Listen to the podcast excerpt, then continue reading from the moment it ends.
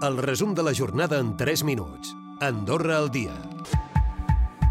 Feia dos anys que no es veien les imatges de Pere Aragonès rebent el cap de govern Xavier Espot a les portes del Palau de la Generalitat.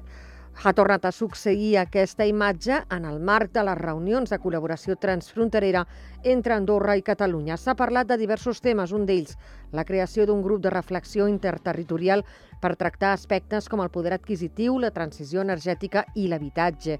Sobre aquest últim han assegurat que la problemàtica és generalitzada.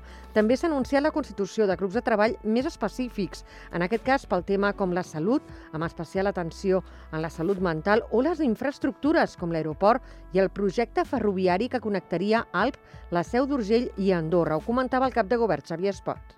En matèria d'infraestructures, aquesta és una temàtica doncs, eh, d'interès doncs, primordial eh, comú, com millorem eh, la, les connexions per via terrestre, eh, com eh, millorem o implementem connexions en l'àmbit ferroviari eh, i, per tant, doncs, tot això també serà objecte d'aquest eh, grup de treball. D'altra banda, aquesta qüestió també s'hi ha referit el president de la Generalitat, Pere Aragonès d'una línia de tren de ferrocarrils de la de Catalunya d'Alp, la Seu d'Urgell i Andorra.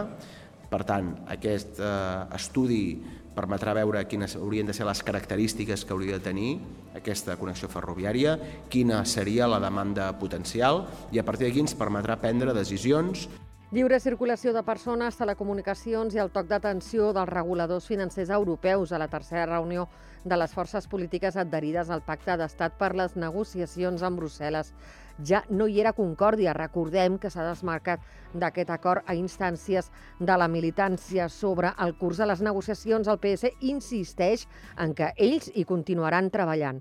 I suport general, tot i que amb matisos de les diferents forces de l'oposició parlamentària a les mesures per aturar la inversió estrangera en immobles. Per concòrdia, la suspensió temporal i la taxa del 10% a la inversió immobiliària estrangera és una bona mesura que portaven demanant des de la seva creació. També ha reaccionat reaccionat a aquesta qüestió el vicepresident de l'Associació de Propietaris de Béns Immobles, Artur Oms.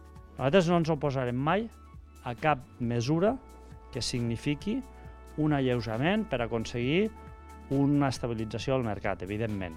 Però sempre hem dit que nosaltres estem totalment en contra d'afegir noves taxes. El que cal és agafar el problema per les banyes, que el problema és senzillament aquesta especulació, aquestes empreses que venen, fan un profit i marxen, i això és el que hem d'aturar. I l'11 de setembre comença el curs. Hem visitat diferents eh, comerços que es dediquen a la venda de material escolar. Hem parlat amb els petits, però també amb els seus pares. Vaja, tot ha pujat i els manuals i llibres de text i material no, no anava a ser diferent. Les nota més en temes de tecnologia, ¿no? perquè necessiten iPads i aquestes coses.